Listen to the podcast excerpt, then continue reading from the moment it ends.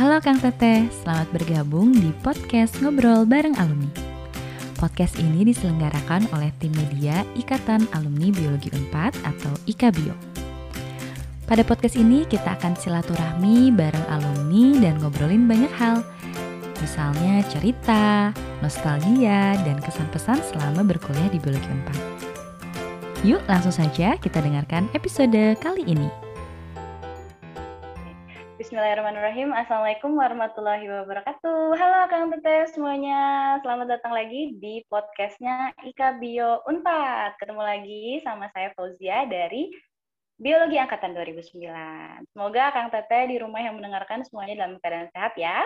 Amin. Nah hari ini saya nggak sendirian nih ya Kang Teteh. Saya akan membantu podcast bareng sama yang kemarin jadi salah satu narasumber juga nih di podcast kita yaitu Kang Agung Ismail dari angkatan 2003 yang kebetulan nih Kang Agung ini juga merupakan tim dari media IKB Unpad. Kita sapa dulu ya. Halo Kang Agung. Oke, halo semuanya. Akang Teteh Ikabio. Uh, kenalkan, saya Ismail Agung. Saya dari angkatan 2003. Uh, senang banget kita bisa ketemu secara virtual atau apa secara digital uh, bisa mendengarkan cerita-cerita dari Akang Teteh semua. Oke, hari ini kita mau ngobrolin siapa sih benar Fauzia nih? Iya nih, jadi gini Kang, karena hari ini kita berdua nih bawain acaranya, kita juga narasumbernya ada dua nih Kang hari ini. Sebelum kita sapa narasumbernya, saya akan membacakan sedikit aja nih profilnya. Siapa sih narasumber kita hari ini? Narasumber kita hari ini adalah Kang Cevi Afrian dan Kang Fani Maulid dari Biologi Angkatan 2004. Ternyata nih Kang, keduanya ini merupakan Ketua Himpunan dan Wakil Ketua Himpunan Dewan Pengurus 28. Dan sekarang ternyata bekerja juga di bidang yang relatif sama nih Kang. Nah kita mau ngobrolin nih bidang mereka apa sih? Nah itu kira-kira. Kita sapa dulu kali ya Kang ya. Kang Cevi dan Kang Fani. Oke, okay. Halo Kang Cevi, Kang Fani. Halo, Assalamualaikum. Waalaikumsalam. Beneran kompak ya, bahkan salamnya juga, Kang. Kompak. ya. Insya Allah kompak. Hey, uh, isunya sih mereka pasangan. Seperti itu ternyata sampai kompak banget. Oke Kang Cevi, Kang Af uh, Kang Fani gimana nih kabarnya? Coba mungkin dari Kang Cevi bisa sapa-sapa dulu Kang Teteh di rumah. Oke, uh, assalamualaikum warahmatullahi wabarakatuh. Selamat sore buat akan sore UKBIO semua. Salam hangat dari saya, Cek Afrian, Biologi Angkatan 2004. Uh, semoga sehat-sehat aja di tengah pandemi kayak gini. Uh, gitu aja deh dari saya mungkin ya.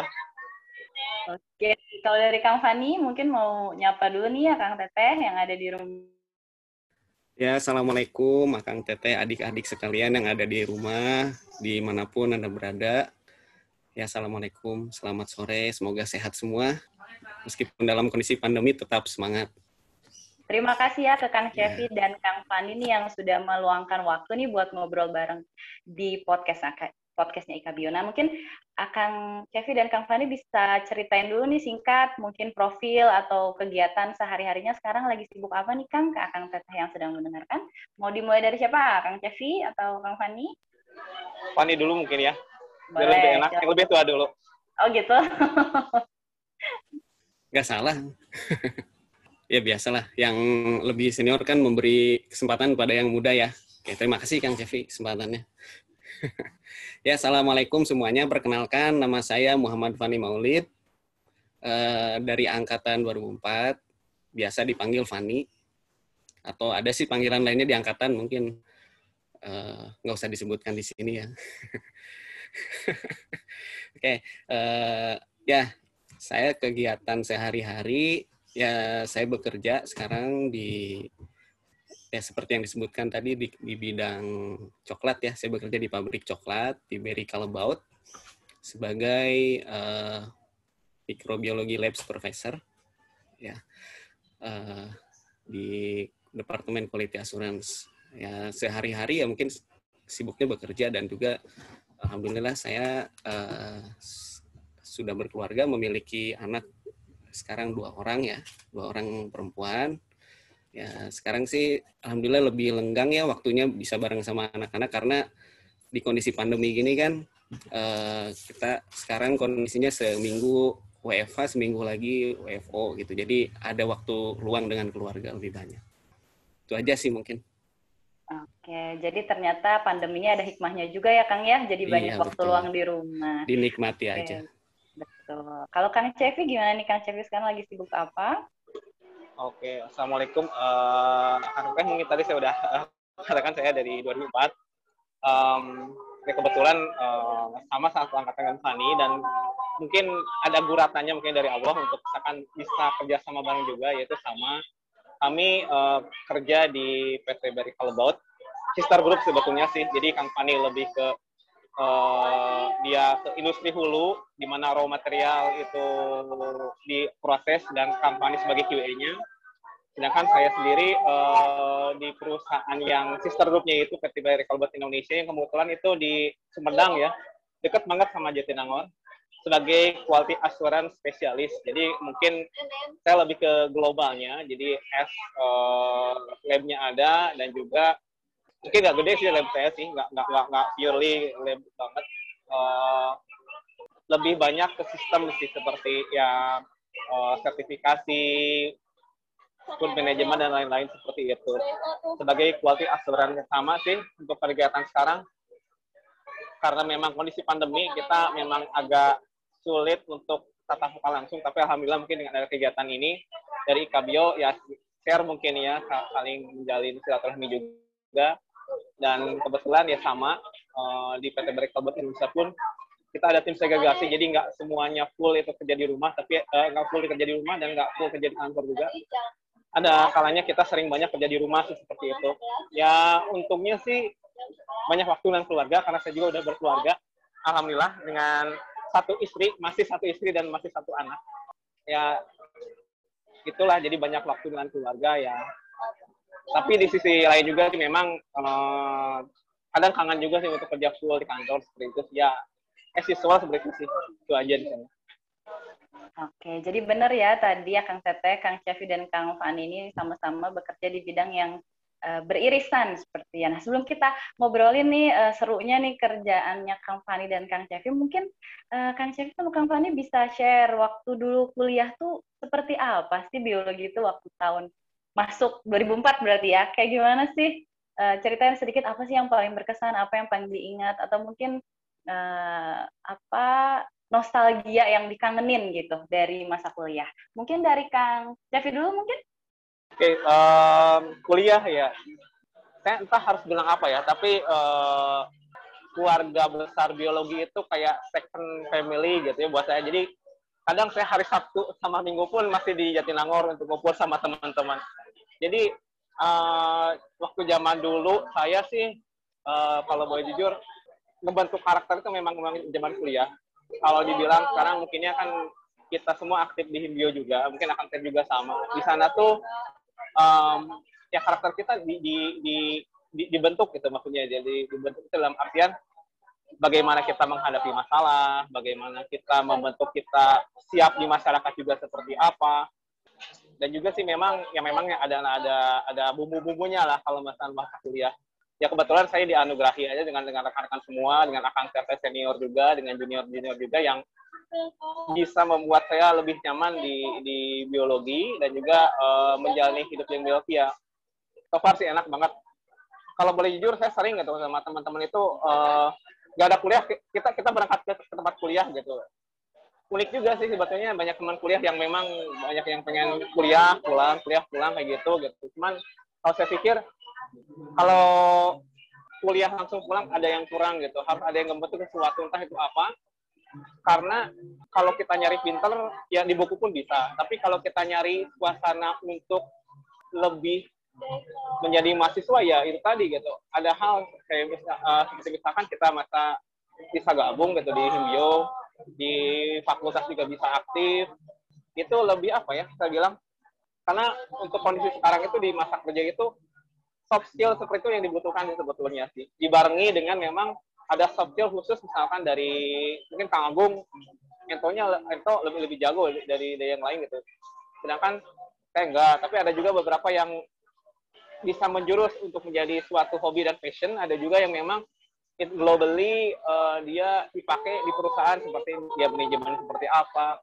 Tapi overall di biologi itu rasain dulu lah di, di biologi itu seperti apa. Senang banget ya di biologi karena nggak cuma akan teteh dan junior junior junior yang hanya wah gitu. Tapi dosen-dosen juga kadang saya seneng lah di biologi lah. Bisa diungkapin nanti saya nambahin lah.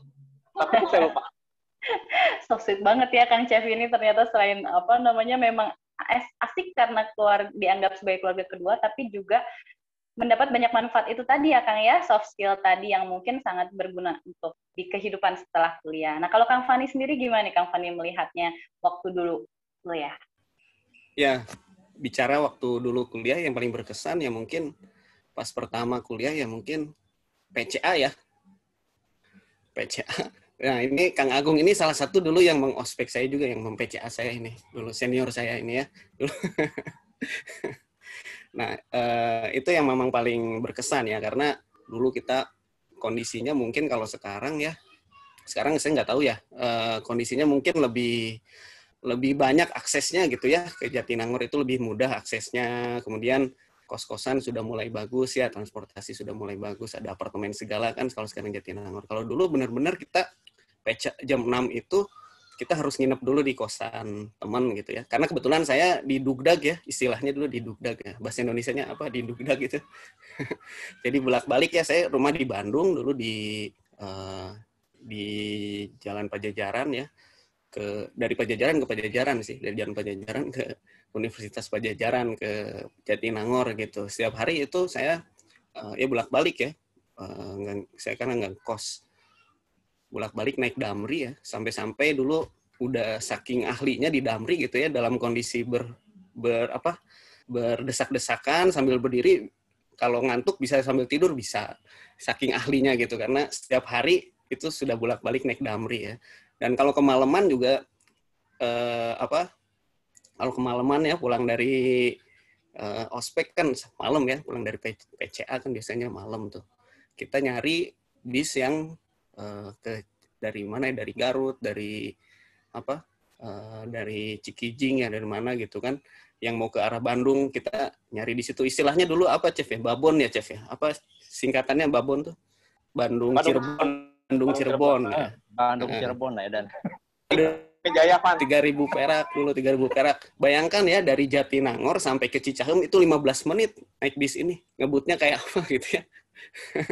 Bayangkan nah itulah paling berkesan gitu ya. Terus itu juga sih yang jadi deket sama teman-teman kan. Kita pulang bareng malam-malam gitu ya. Dan uh, apa? Ya kalau kita kemalaman ya mau nggak mau kita nginep di kosan teman gitu ya kita ngerjain tugas bareng di rumah di kosan teman itu yang bikin kita jadi deket kebersamaannya justru di situ ya. Uh, kalau pagi-pagi juga kita uh, berusaha supaya apa uh, tidak ada yang telat kan ke PCA-nya gitu. Kebetulan saya juga dulu suka telat juga gitu ya datang ke PCA-nya. Jadi uh, uh, jadi uh, kita berusaha bareng-bareng lah ya uh, kebersamaannya di situ. Memang pada saat PCA kan kesannya itu tersiksa banget gitu tapi setelah menjalani justru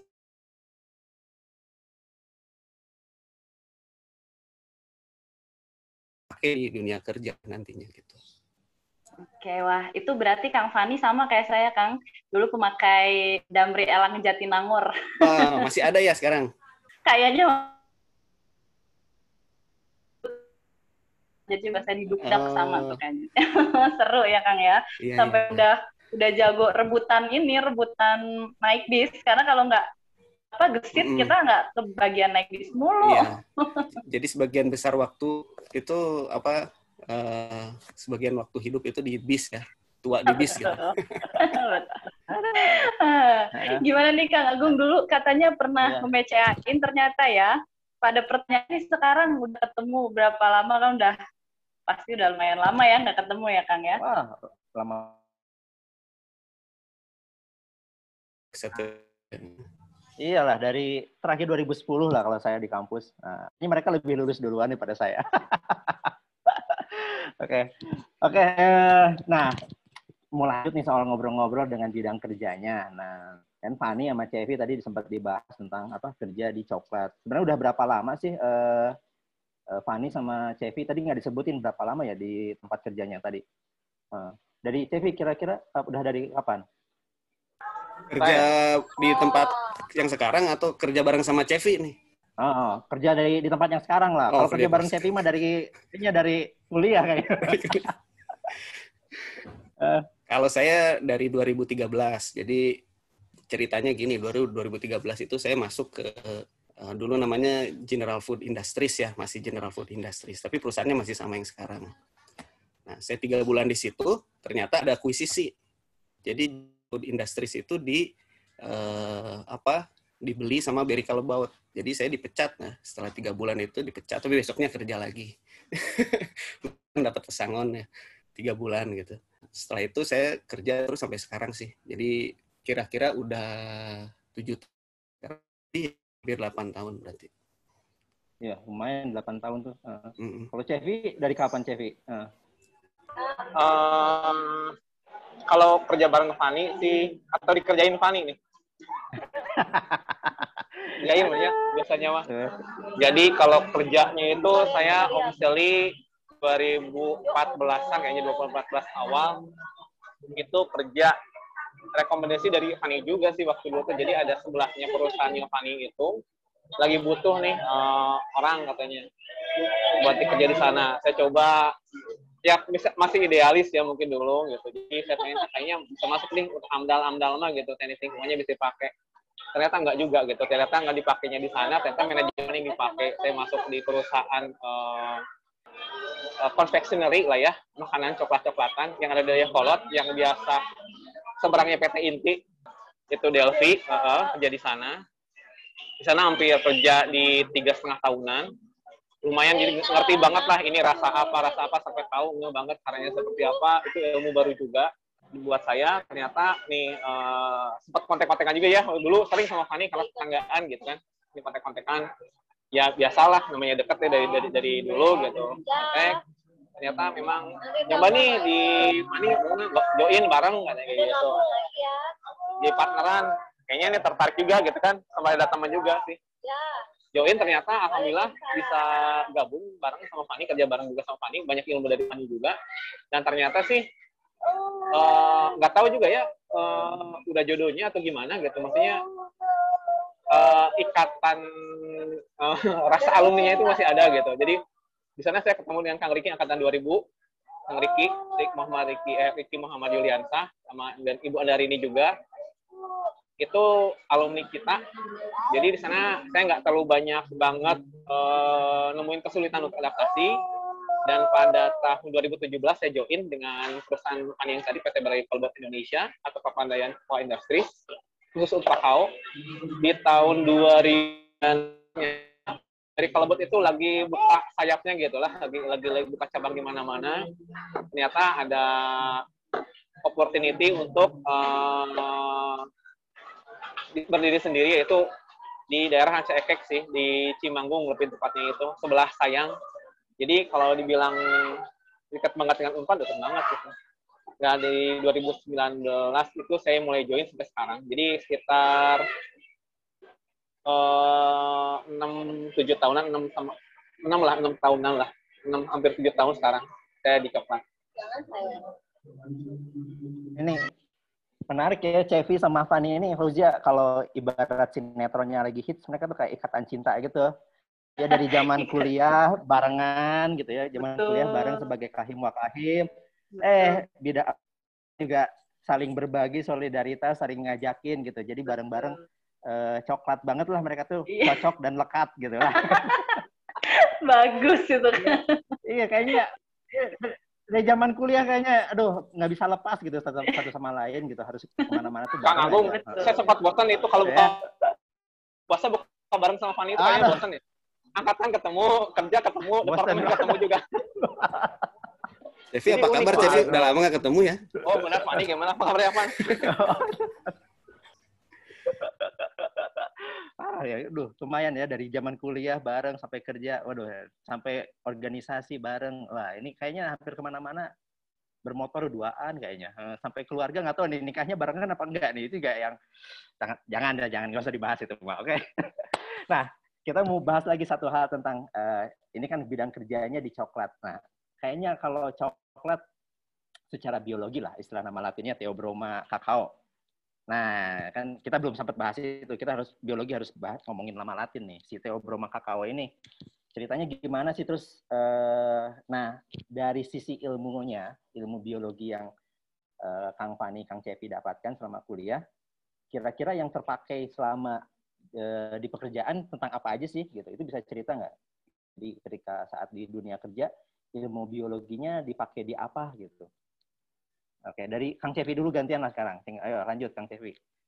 Oke, uh, sebetulnya kalau bilang ilmu yang kepake kayaknya Fani lebih tahu ya Fani. Karena ketika saya join awalnya itu saya lebih banyak tahu kepake dari biologinya itu di ketika saya join dengan Papanen Papa Industries uh, tahun 2017. Jadi saya join di sana itu uh, partneran sama Fani sebagai uh, uh, pro ya itu micro di sana. Jadi kalau misalkan bilang ternyata Fani yang uh, dulunya di ekologi saya yang dulunya adalah di genetik tapi tetap ternyata kita belajar lagi ternyata oh yang mikronya dipakai mikrobiologi kita dipakai di sana kan uh, Kang Agung. Jadi uh, saya belajar banyak tentang ya ya belajar ya kayak kayak TPC kayak salmonella analisa-analisa seperti itu itu dipelajari. Dan ternyata juga nih alhamdulillahnya ketika saya join dengan perusahaan sekarang ketika saya pindah ke Rancaikek, uh, saya nggak langsung membawahi lab mikrobiologi, nggak juga, karena kita nggak punya lab mikrobiologi. Ilmu saya yang lain nih yang dipakai ternyata. Ternyata uh, saya juga dulu sempat ambil uh, magister ya, mungkin bareng sama angkatan 2003, 2003 sama Susi 2005, sama Dila juga sama Aldila 2004, itu di teknik lingkungan ya belajar tentang lingkungan gitulah. Dan ternyata ketika masuk di uh, PT Beri Lebok Indonesia ada tentang UKL UKL UPL kayak gitu. Eh dapat tempat juga di sana gitu. Harus bikin juga mempelajarinya juga.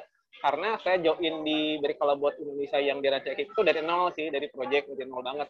Jadi setidaknya ya dari segi keilmuan dipakai sih untuk yang uh, teknik lingkungan, untuk yang mikro juga kepake juga, dan juga nih ingat ini yang kepake banget tuh ilmunya itu ilmu sosialisasi tadi gitu, karena nggak mungkin saya bisa sekarang kayak gini kalau misalkan saya nggak sosialisasi sama teman-teman, sama senior, sama siapa pun.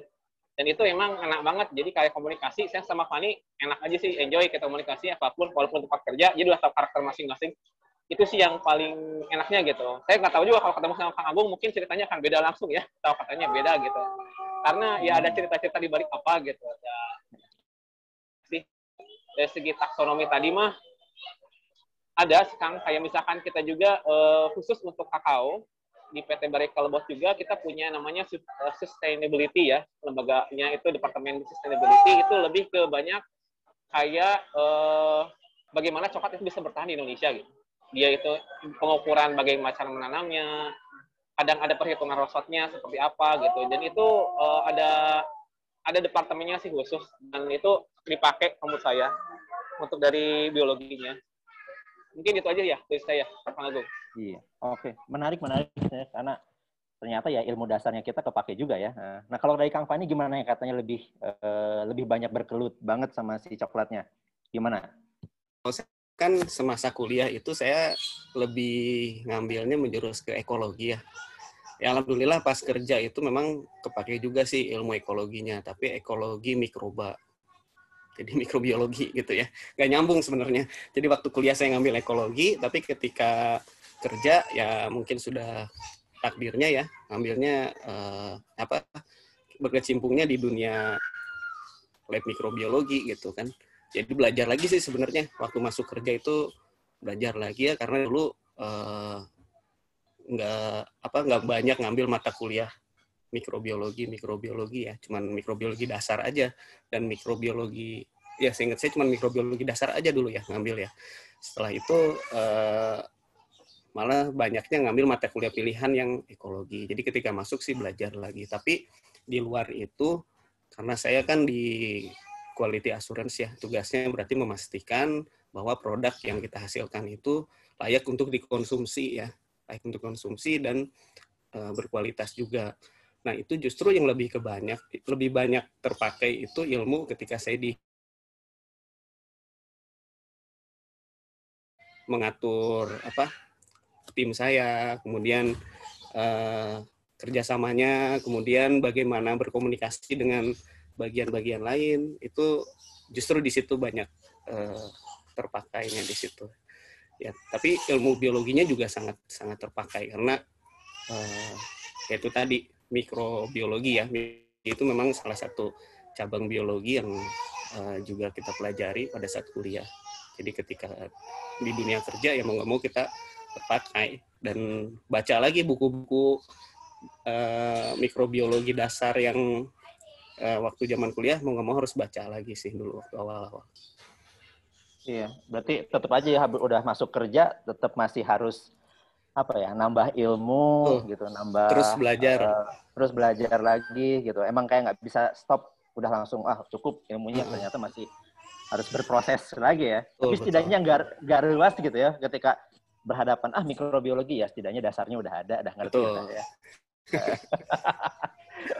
nah terus tadi kan emang jadi banyak pengalaman tuh dari hard skill, soft skill uh, selama di biologi kuliah, terus di dunia kerja akhirnya kepake juga ya prosesnya memang panjang sih ya sebenarnya.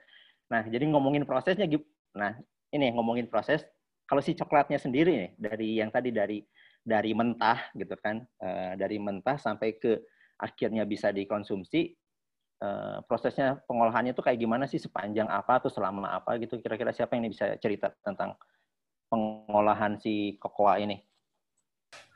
Iya kalau untuk kokoa ya kebetulan kan karena saya uh, di kerjanya ya di pabrik kokoa. Jadi pabrik kokoa itu kita jualnya kalau untuk beri kalbot itu enggak vaksin nori. Jadi kita B2B. Jadi ke pabrik lagi kita jualnya sebagai bahan baku coklat gitu kan. Jadi secara garis besar ya proses kokoa proses itu adalah itu tadi kan dari biji kakao ya. Jadi yang diambil itu bijinya dari tadi pohon Theobroma kakao itu, yang diambil itu bukan buahnya tapi bijinya. Nah, itu bijinya itu yang nanti diolah. Jadi proses pertama mungkin ada cleaning dan winnowing namanya ya. Mungkin nanti Cevi juga nambahin ya, Cev. Dulu sempat di upstream juga ya, Cevi ya. Nah, jadi uh, prosesnya namanya cleaning dan winnowing itu adalah uh, jadi pengupasan lah istilahnya pengupasan. Jadi biji kakao itu ada yang namanya kulitnya dan bagian dagingnya. Kulitnya itu namanya sel, dengan bagian dagingnya itu namanya cocoa nibs. Nah, yang diolah itu koktel itu nanti dibuang tidak kita olah. Nah, itu prosesnya namanya cleaning dan winnowing. Jadi dengan mes, uh, apa? Ada mesinnya ya mesin cleaning dan winnowing itu adalah proses pengupasan dari uh, biji kakao tersebut. Jadi cocoa nibs-nya itu yang nanti diolah. Kemudian cocoa nibs-nya itu nanti akan melakukan proses roasting atau uh, pemanggangan ya. Dipanggang dengan suhu tertentu dengan kondisi tertentu. Nah, proses pemanggangan ini selain untuk develop rasa ya, develop rasa, nah itu juga untuk namanya CCP atau critical control point di situ untuk membunuh mikroba, killing step-nya untuk membunuh mikroba di situ. Jadi terutama mikroba-mikroba yang sifatnya patogen. Nah, itu dibunuhnya di proses roasting ini. Nah, oh ya, sebelum roasting ini ada yang namanya proses alkalizing. Nah, proses alkalizing ini adalah penambahan bahan kimia ya. Bahan kimianya berupa uh, potasium karbonat itu ditambahkan ke dalam uh, tersebut, nips kokoa nips tersebut itu fungsinya untuk mendevelop uh, pH dan warna. Jadi warnanya itu kan nanti macam-macam ya, ada yang jadi warna tua atau warna di developnya dengan menggunakan proses alkalizing tadi seperti itu. Nah, setelah itu di roasting, setelah di roasting nanti uh, kemudian nanti di grinding ya, digiling sampai nanti bentuknya jadi uh, namanya kita cocoa mas atau cocoa liquor. Itu bentuknya seperti pasta. Nah, bentuknya seperti pasta. Jadi uh, kental-kental gitu ya, kental. Nah, kemudian dari situ baru menuju ke proses selanjutnya, itu prosesnya namanya pressing. Jadi nanti dipres dengan suhu tinggi dan tekanan tinggi, nanti dia jadi terpisah tuh. Ada yang uh, apa padatan dan ada yang cairnya. Jadi yang padatannya itu nanti disebutnya sebagai cocoa cake, sedangkan yang cairnya itu jadi cocoa butter atau minyak ya.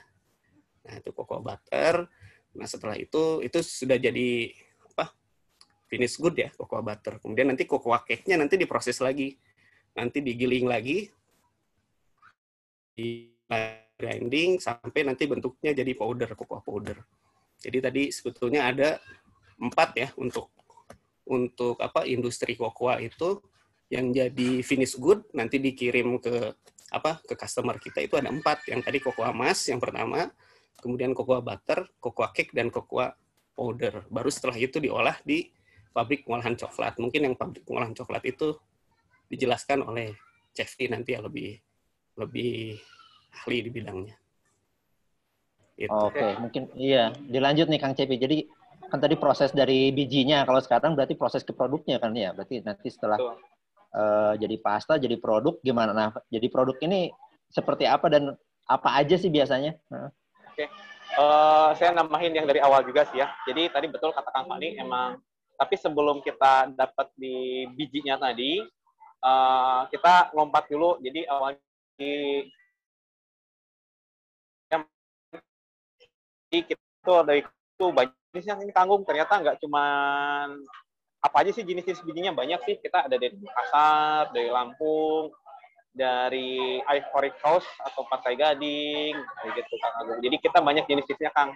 Jadi kita akan kolek dulu semua biji-bijinya Kang. Yang itu ada proses fermentasi dan rasanya beda-beda dan juga harganya juga beda-beda Kang Agung seperti ini kan. Jadi kalau misalkan ada yang dari biologi, ngeh nih pengen uh, ini sebenarnya opportunity juga karena sejauh yang kita tahu uh, di daerah Jawa Barat itu hanya Cianjur deh yang yang ini yang agak aktif gitu. Malahan karena memang ada peralihan lahan itu tadi dari asalnya lahan perkebunan uh, coklat mungkin dengan seiringnya zaman malah berubah nih jadi perumahan gitu kan jadi konflik juga sekarang sebetulnya uh, semakin sedikit lahan otomatis semakin sedikit suplai coklat yang ada gitu harganya akan jadi beda. Nah bicara dari tempat tadi kita dapat semua coklat nih kalung ya udah fermentasi udah fermentasi kita kolek nih di gudang-gudang gudang, udah dapat di gudang-gudang, berdatang deh ke Bandung untuk diproses kata kakang Fani tadi. Dan sebelumnya juga memang betul ada cleaning dan miring, di proses cleaning itu sendiri kita dibersihin nih. Ada proses sortir juga nih Kang, jadi disortir mana yang uh, kokoa yang biji kokoa yang layak atau enggak, karena kita akan membelah dulu si bijinya itu apakah ada kutu atau tidak, dicek juga berapa gitu. Jadi kan biasanya kalau biji itu kayak bentuknya kokoa itu biji kokoa itu kayak rambutan ya kalau bisa dibayangin ya kalau nggak kebayang. Kayak rambutan tapi dia agak ireng gitu agak hitam gitu. Dan itu adalah biji kokoa. Itu biasanya dicek ya Kang Fani ya dicek dipotong dilihat dalamnya seperti apa ada kutu atau ulat atau enggak. Ya, jamur kalau ada kutu atau enggak. jamur betul.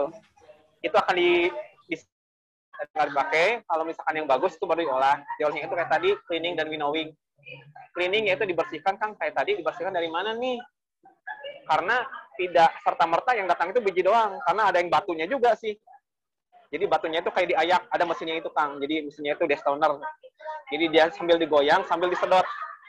Kalau yang disedot itu biasanya bijinya. Tapi kalau batu nggak kesedot karena dia berat. Kepisah tuh batu sama biji. Udah masuk destoner, baru deh dia masuk ke dalam yang namanya itu uh, oven. Dia punya semacam oven gede gitu kang ya. Kayak kontainer gitu panjang banget panas. Nanti dia masuk kayak uh, popcorn. Jadi si biji masuk itu dia akan pop up pop pop pop gitu. Dia akan si bijinya itu si nibisnya itu akan uh, memisahkan diri dengan namanya sel. Nah karena udah keluar nih yang nibisnya yang dipakai yang selnya enggak, baru ini masuk namanya winnower. Winnower itu kayak semacam ayakan juga, tapi pakai angin. Ketika diayak, dia akan jadi kecil, Kang ya, karena dia bubuk. Diayak, terus beberapa lapisan, lima lapisan ayakan, nanti ditiup sama angin. Yang ketiup sama angin itu pasti adalah kulitnya. Karena dia lebih uh, masa ringan ya, jenisnya, ya, masa jenisnya uh, lebih ringan. Masa jenisnya lebih ringan. Jadi otomatis yang masuk itu adalah nibs atau coklat yang dibutuhkan. Nah, di sanalah baru deh kita proses katakan semuanya tadi. Nah, jadi kita lanjut nih lompat lagi ke yang tadi ada cocoa butter, cocoa masa, cocoa cake, dan juga tadi powder ya, powder ada empat. Nah, sebetulnya dari kita nih dari yang saya terima nih, terima berupa powder, misalkan powder, itu biasanya langsung diolah nih Kang dan mesinnya itu sama hampir mirip lah. Jadi ada yang namanya mesinnya itu disebutnya itu eh, mixer ya Kang ya. Jadi kita masukin uh, kayak semacam mesin mesin itu tipping tipping itu kayak tipper itu kayak apa ya? Uh, mesin yang dia mempunyai saringan. Karena kita lebih konsen ke food safety ya Kang ya.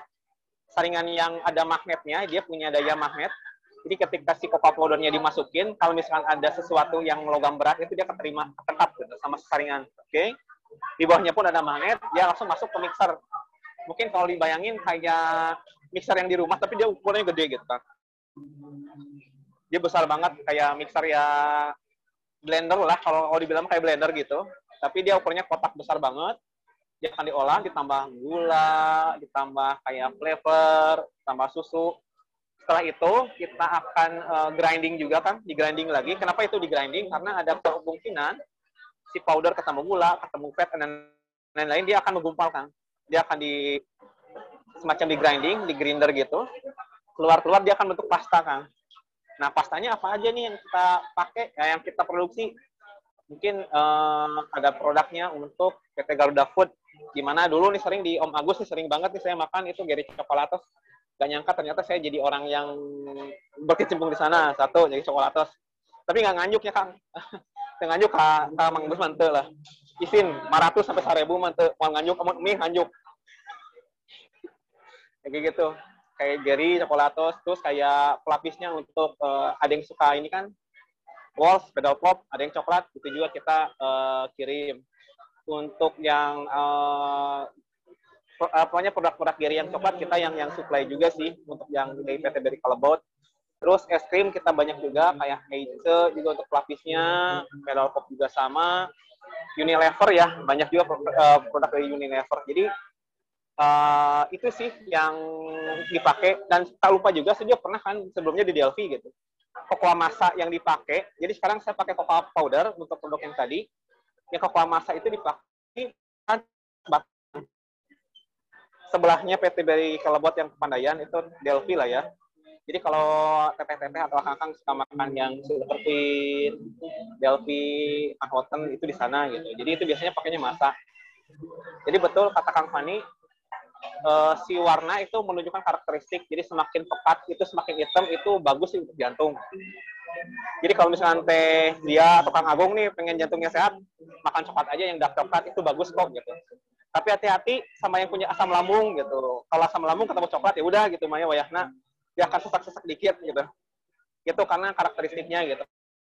Nah, uh, ada pertanyaan mungkin ya, kalau yang coklat putih ini gimana ya? Gitu kan ya, bener nggak ya? dari mana sih coklat putih? Dari tadi, kalau coklat ya, putih itu rasanya berasalnya dari butter, Kang. Karena cocoa butter itu butter. rasanya beda banget. Uh, uh, itu rasanya tuh beda banget. Kalau Kang Agung pengen tahu mana coklat yang pakai cocoa butter sama enggak, sederhana. Genggam aja Kang coklatnya, Kang. Kalau misalkan dia langsung lumer, dia pakai cocoa butter. Kalau dia genggam nggak lumer, dia pakai cocoa palmi atau nabati yang lain gitu. Jadi bukan dari coklat itu tapi menggunakan tepung coklat powdernya aja yang pakai coklat kayak gitu sih kang jadi yang uh, coklat itu banyak lah ya ada coklat putih mungkin di Berry juga ada yang baru ya coklat warna pink mungkin belum belum masuk di Indonesia itu namanya ruby coklat itu rasanya itu asam gimana kayak gitu tapi ya? kalau kayak bram tapi rasanya itu beda gitu karena nggak ada di Indonesia dan dia punya apa sih aku lupa ya hormonnya tuh dopamin gitu ya kalau misalnya dia makan itu jadi oh iya uh. Uh, seneng memberikan gitu. efek Makanya, efek senang ya uh, memberikan efek, efek senang, gitu. dopamin ya, ya. efek bahagia efek bahagia apalagi lagi corona gini gitu ya ya gitu sih kang jadi kalau misalnya ada kenapa coklat ini putih enggak kenapa ini hitam ini ini hitam banget dark coklat ini enggak dari dark coklat white coklat sampai ke yang coklat yang regular yang milk itu ada peruntukannya karena beda-beda. Gitu mungkin ya, ya. dari saya menarik uh, menarik pisan ya untuk cara tips tadi membedakan coklat masing-masing dengan cara digenggam itu juga ilmu baru kayaknya. Nah ya jadi kalau ngomongin coklat kapan nih terakhir makan coklat? Ya Huzia kapan makan coklat terakhir kali barusan kan aku makan coklat. Ah Tapi ini kayaknya setelah ini nih saya kalau makan coklat atau tadi kayak tadi wafer atau misalnya es krim ya tadi yang hmm. Kang Cevi bilang, kayaknya saya akan mikir wah ini sebenarnya prosesnya panjang banget ya kan ternyata maksudnya iya, nggak iya, serta merta langsung jadi gitu, tapi wah, prosesnya panjang banget seperti tadi ceritain sama Kang Fani dan Kang Cevi. Menarik banget ya Kang Agung. Nah, dari iya dari biji sampai ke bubuk gitu nggak wah ini sampai men suatu komitmen ya untuk menjaga kualitas produk gitu. Jangan sampai uh, coklat yang sudah disajikan ternyata ada batunya. Itu itu bahaya itu. Ya nah baik uh, lanjut. Uh, tadi saya sempat kepikiran juga sebenarnya wah ini kata Kang uh, Cevi ternyata peluang untuk menjadi petani coklat juga lumayan ya. Karena uh, untuk area Jawa Barat sendiri tadi hanya disokong di Cianjur sih. Ya mudah-mudahan siapa tahu uh, Akang Teteh yang mendengarkan uh, podcast ini terus lagi apa ya, lagi senggang gitu punya kebun ah nanam apa, nanam coklat kayaknya jadi peluang bisnis lumayan nanti bisa kontak Kang Cevi sama Kang Fani untuk stok apa kirim produksinya hasil ininya, hasil panennya. Nah, lanjut nih uh, Kang Cevi sama Kang Fani. Ini kan bulan Februari. Nah, bulan Februari ini kaitan kaitan erat banget sama hal-hal yang cinta-cintaan lah kayak gitu. Ya makanya kenapa narasumber kita Kang Fani sama Kang Cevi karena mereka juga pasangan yang dari dulu gitu jadi pasangan yang udah ikatan cinta banget lah. nah, ngomongin coklat, cinta dan bulan Februari kira-kira ngaruh enggak sih di apa produksi coklat gitu ketika uh, menghadapi bulan Februari. Kira-kira selama di sana gimana di apa di perusahaan apakah ketika wah bentar lagi Februari nih gitu apa langsung jadi lemburan terus gitu atau gimana Kang? Dari gimana Kang Kang Cevi gimana nih? Kalau di bulan Februari jadi jadi kayak gimana nih kondisi perusahaan produksi produksi coklat? Uh, sebenarnya ini agak sedikit ini ya bermata dua ya pertanyaannya sulit juga nih karena uh, di balik ya, ya itu tadi karena ya ya Februari ya coklat ya kalau dibilang dia agak tinggi ya bilang tinggi karena variasi dari coklat itu akan banyak nih Kang mungkin uh, karena kita pun sering konsul juga dengan marketing khususnya mungkin dulu ketika saya di perusahaan uh, Delphi itu uh, kan konsumernya langsung ke masyarakat ya ke konsumen gitu. Jadi kita kayak semacam ada diskusi terus ini gimana nih Februari bentar lagi nih Valentine Valentine ya nggak semua orang layan juga sih tapi ada karena jadi apa ya budaya common gitu. Jadi pasti sih meningkat sih untuk untuk, untuk uh, proses produksi coklat. Tapi itu baik tadi uh, karena nggak satu dua perusahaan aja sih yang berpikir seperti itu. Jadi banyak juga kayak misalnya kemasannya jadi kemasan bentuknya kayak bunga mawar gitu ya. Jadi dua coklat digabung jadi bunga mawar. Ini ada yang juga kemasannya jadi asalnya mungkin hanya 60 gram, tiba-tiba ada yang satu kilo. Mungkin Kang Agung pernah nyoba yang kemasan satu kilo, Kang ya? Gede gitu, Kang. Pernah Kalau boleh jujur, pernah ya, pernah, gede gitu. Gede. Per pernah beli ya? pernah beli, gede, gede banget itu. Pakai nasi itu enak ya. banget, pakai nasi lah. pakai nakol enak pakai nakol. Iya. Pakai nakol, pakai nakol lumayan karena benjol juga. Jadi meningkat sih Kang itu itu itu signifikan sekali itu meningkat sampai ya kalau di orang produksi bilangnya lemburannya tinggi. Mungkin um, tapi di balik itu dari QA nih kita nih jadi PR-nya PR berat nih Kang karena semakin meningkatnya jumlah produksi maka yang dianalisa, yang dijaga juga itu kan banyak kan ya. Karena itu namanya produktivitas harus berbanding lurus juga dengan kualitas. Jangan sampai kita banyak ininya, ini banyak bikin, tapi lupa sama kualitas juga itu hati-hati juga nggak bisa juga kayak gitu. Jadi ya meningkat nih, oh meningkat banget banget gitu. Tapi alhamdulillah uh, saya sih lebih suka untuk tidak lembur tapi kualitas tetap terjaga sih Kang. Karena ada waktu untuk keluarga juga sih gitu. Mungkin tambahan Kang Fani ya. Kalau tadi kan Kang Cevi bicara dari yang segi pabrik coklat ya.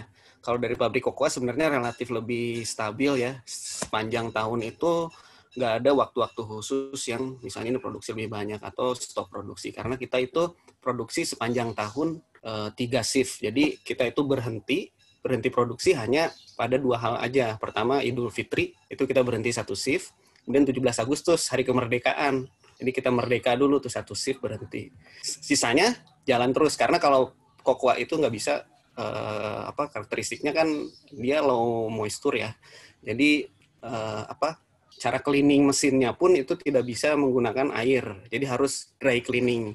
Dan kalau berhenti terlalu lama itu bisa menimbulkan nanti ada jamur atau mikroba nanti di lain produksinya. Jadi harus terus jalan meskipun ada permintaan, nggak ada permintaan tetap jalan. Jadi uh, dan biasanya yang nyetok banyak itu produsen uh, apa pabrik-pabrik coklat yang kita supply gitu. Jadi kalau yang kita supply uh, ya itu kita udah atur sih pengirimannya sepanjang jadi uh, yang uh, apa langsung ke customer itu biasanya mereka nyetok banyak di waktu-waktu tertentu. Jadi waktu-waktu tertentu mereka tadi katakan chef ya lembur banyak gitu kan. Terus ada waktu-waktu tertentu juga senggang mungkin ya Kang Cevi ya seperti itu ya. Kalau ya kayak uh, ya sister company kita yang misalnya di Jepang dan di Cina itu bahkan mereka ada waktu-waktu tertentu yang mereka kerja uh, nambah apa pegawai outsource gitu. Jadi khusus untuk produksi banyak coklat.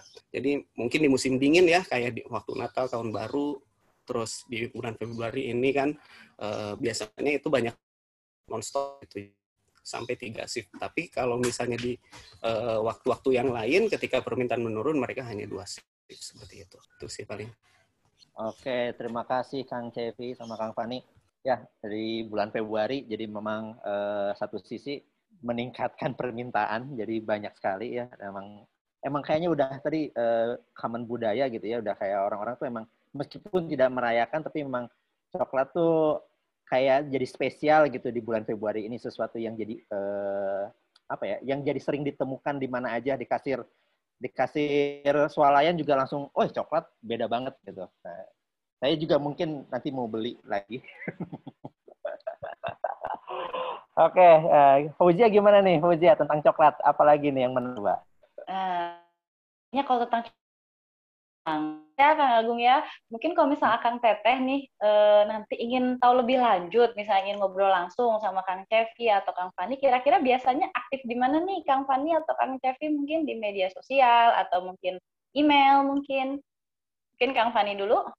Ya, mungkin kalau di media sosial karena saya termasuk angkatan tahun jebot ya saya nggak aktif di Instagram di apa ya saya nggak aktif sih paling Facebook sih kalau untuk media sosial Facebook atau LinkedIn ya. LinkedIn kemudian kalau misalnya mau apa via email juga bisa via email atau via WhatsApp ya kalau mau butuh mau nanya-nanya mangga silahkan. Kalau Facebooknya apa nih Kang nama akunnya? Nama akunnya Fani Maulid. Bisa di ya Fani Maulid. Okay. silahkan. Bisa kalau di gimana search apa janjian gak main Instagram juga biar kapelan sama Kang Fani? Friendster ya kayaknya Cevi ya? Saya saya ini mainnya uh, apa MIRC MIRC kayaknya. jadul banget. Friendster jadul juga. TikTok mungkin enggak kali ya TikTok juga. Udah tua main TikTok.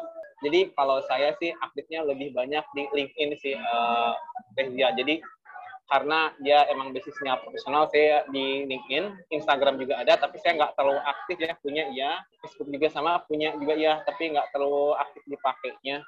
Jadi saya biasa pakainya di LinkedIn, uh, itu namanya CV Afrian CE V I A F R I A N. Jadi mungkin rekan-rekan bisa akan teteh atau kan adik-adik semua ya kalau misalkan Kang pengen nih nyoba-nyoba, pengen tahu kayak gimana. Sebetulnya dari dari sih biasanya ada juga sih yang yang dari rekan-rekan kayak misalkan kan saya ingin kerja praktek bisa. Kita kita juga ada juga yang seperti itu sih. Jadi mungkin bisa membantu juga rekan adik-adik juga yang misalkan pengen tahu yuk kalau misalnya mau belajar silahkan. Tapi walaupun sekarang sih belum bisa ya karena kondisi pandemi agak terbatas gitu dan nggak nggak serta merta kita bisa buka juga. Mungkin ya di lain hari bisa sih tapi kalau untuk menghubungi saya bisa via WhatsApp bisa juga via LinkedIn juga bisa. Itu sih yang saya lebih banyak aktifnya sih.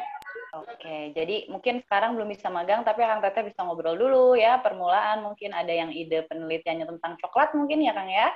Nah, sebelum kita tutup nih Kang Agung, soalnya kita udah lumayan rame juga nih ngobrolnya udah lama, mungkin uh, sebelum ditutup, uh, Kang Fani atau Kang Cevi ada kira-kira pesan nggak sih buat misalnya Kang Teteh atau adik-adik yang masih sekarang, sekarang ber kira-kira apa sih gitu yang ingin Kang Cevi dan Kang Fani sampaikan? Mungkin dari Kang Cevi dulu. Oke, uh, Bismillahirrahmanirrahim. Kang Teteh sih sebetulnya yang lebih senior dari saya sih, yang pertama sih makasih banget ya. Sama-sama ini Kang Agung nih, dokumentasi dok ya Kang ya, zaman saya PCA. Gak tau nih Kang Agung kayaknya ngincer saya di dulu kayaknya. Apalagi orang ganteng gitu cirian we gitu. Saya nggak telat, saya nggak ngapa-ngapain dicarekan. Tapi tenang naon Kang, wajar. Orang kasep mah bisa dikit kan. Jadi memang terima kasih sih ilmunya banyak, semua bisa pakai. Jadi sharing ya. Jangan kalau jadi harga zaman dulu kalau buat akan teteh ya buat yang senior Komabi itu kesannya ya saya pesannya pesannya yang saya kumpul saya enggak karena itu ajang kita buat silaturahmi dan mudah-mudahan tetap jaga aja silaturahmi di IKA Bio Unpad ini kita tetap jaga saling kontak-kontakan lah ya keep in touch. Dan juga kepada adik-adik junior kita tetap semangat. Uh, terus jangan jadi kalau uh, pesan saya jangan, jadi kupu-kupu lah. Jangan kuliah pulang kuliah pulang jangan. Mending jadi kunang-kunang. Kuliah nangkring kuliah nangkring. Karena nangkring itu sendiri bisa ya tergantung sih. Tapi kalau saya pribadi dengan nangkring saya lebih tahu karakter orang, itu saya bisa belajar. Jadi kalau buat rekan-rekan yang di adik-adik semua banyak mengenal karakter karena pas kerja itu pakai banget. Terus jangan lupa uh, ya itu tadi sih uh, kalau misalkan dari kita sih dari alumni sih harapannya sih karena saya juga kerasa gitu. Kalau misalnya ketemu mau Fani, wah Fani ke mana wae? gitu. Waktu saya kerja bareng sama Fani gitu. Ketemu sama Kang Riki angkatan 2000 wah Kang Fani ke mana wae? Tapi saya sungkan saya segan ke Bu Arimah uh, karena Bu Aryo angkatan lebih lebih ini sih. Tapi saya hormati banget. Banyak ilmu juga dari Bu Ari. Dan kayak semua juga sih. Uh, intinya saya dapat kuliah S2 pun saya dapat dari uh, ikatan alumni juga. Saya dapat dari rekan-rekan alumni. Saya dapat Kesit, Pak Teguh Sodo, gitu. Pak Eri, Pak Heri, banyak lah ya, nggak bisa saya sebutin. s 2 juga sama gitu di LA. Banyak sekali uh, keuntungan untuk menjaga silaturahmi dan mengenal dari biologi. Jadi jangan semasukan untuk uh, masuk dan juga aktif juga di sini sih. Jangan tetap jaga aja silaturahmi. Terima kasih. Oke, jadi Kang Chef ini salah satu yang apa aktivis kunang-kunang ya. Jangan langsung pulang gitu kan ya, tapi manfaatkan waktu yang berharga di kampus itu. Nah, kalau untuk Kang Fani, kira-kira gimana nih Kang Fani? Ada pesan mungkin untuk Kang Tete atau misalnya adik-adik yang masih sekarang berkuliah? Ya, dari saya terutama mungkin buat adik-adik ya, nanti yang uh, akan memasuki dunia kerja. Jadi jangan ragu ya dengan bidang apa pun yang nanti akan digeluti jadi tidak harus sama dengan yang kita pelajari pada saat kuliah. Jadi kalaupun ada kesempatan untuk nanti uh, di luar bidang yang itu dan kesempatan itu uh, dan saran saya sih lebih baik diambil dan jangan ragu untuk belajar gitu ya. Karena uh, kita harus terus belajar sih. Jadi meskipun kita sudah lulus kuliah misalnya ya sudah kerja kita harus terus belajar. Karena yang namanya ilmu itu kan terus terupdate ya. Terus ada apa ada pembaruan terus ya setiap saat gitu ya kita kuliah mungkin saya kuliah sudah 14 tahun 15 tahun yang lalu ya kuliah. Dan ilmu yang kita dapat di kuliah dengan sekarang ya tentu mungkin ada perbedaan ada penambahan. Makanya itu uh, belajar itu penting. Kita harus selalu uh, belajar terus ya uh, jangan jangan jangan berhenti untuk belajar lah. Terus belajar itu tidak selamanya harus dari kuliah saja karena kita bisa belajar dari banyak hal. Ketika kuliah pun kita bisa belajar tidak hanya dari kuliah. Mungkin tadi kata Kang Cevi nongkrong-nongkrong aja kan bisa belajar gitu ya.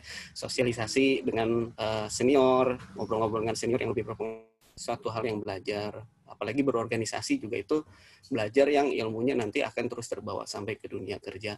Jadi itu aja sih jangan ragu nanti uh, untuk menghadapi bidang apa pun nanti terus belajar ya tetap semangat itu aja sih.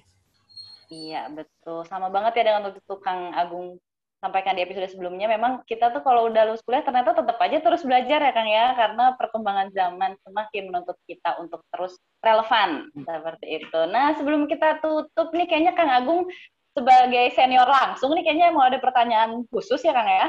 Wah, saya deg-degan ini pertanyaan dari Kang Agung ini. ini bahaya, ya. biasanya bahaya ini.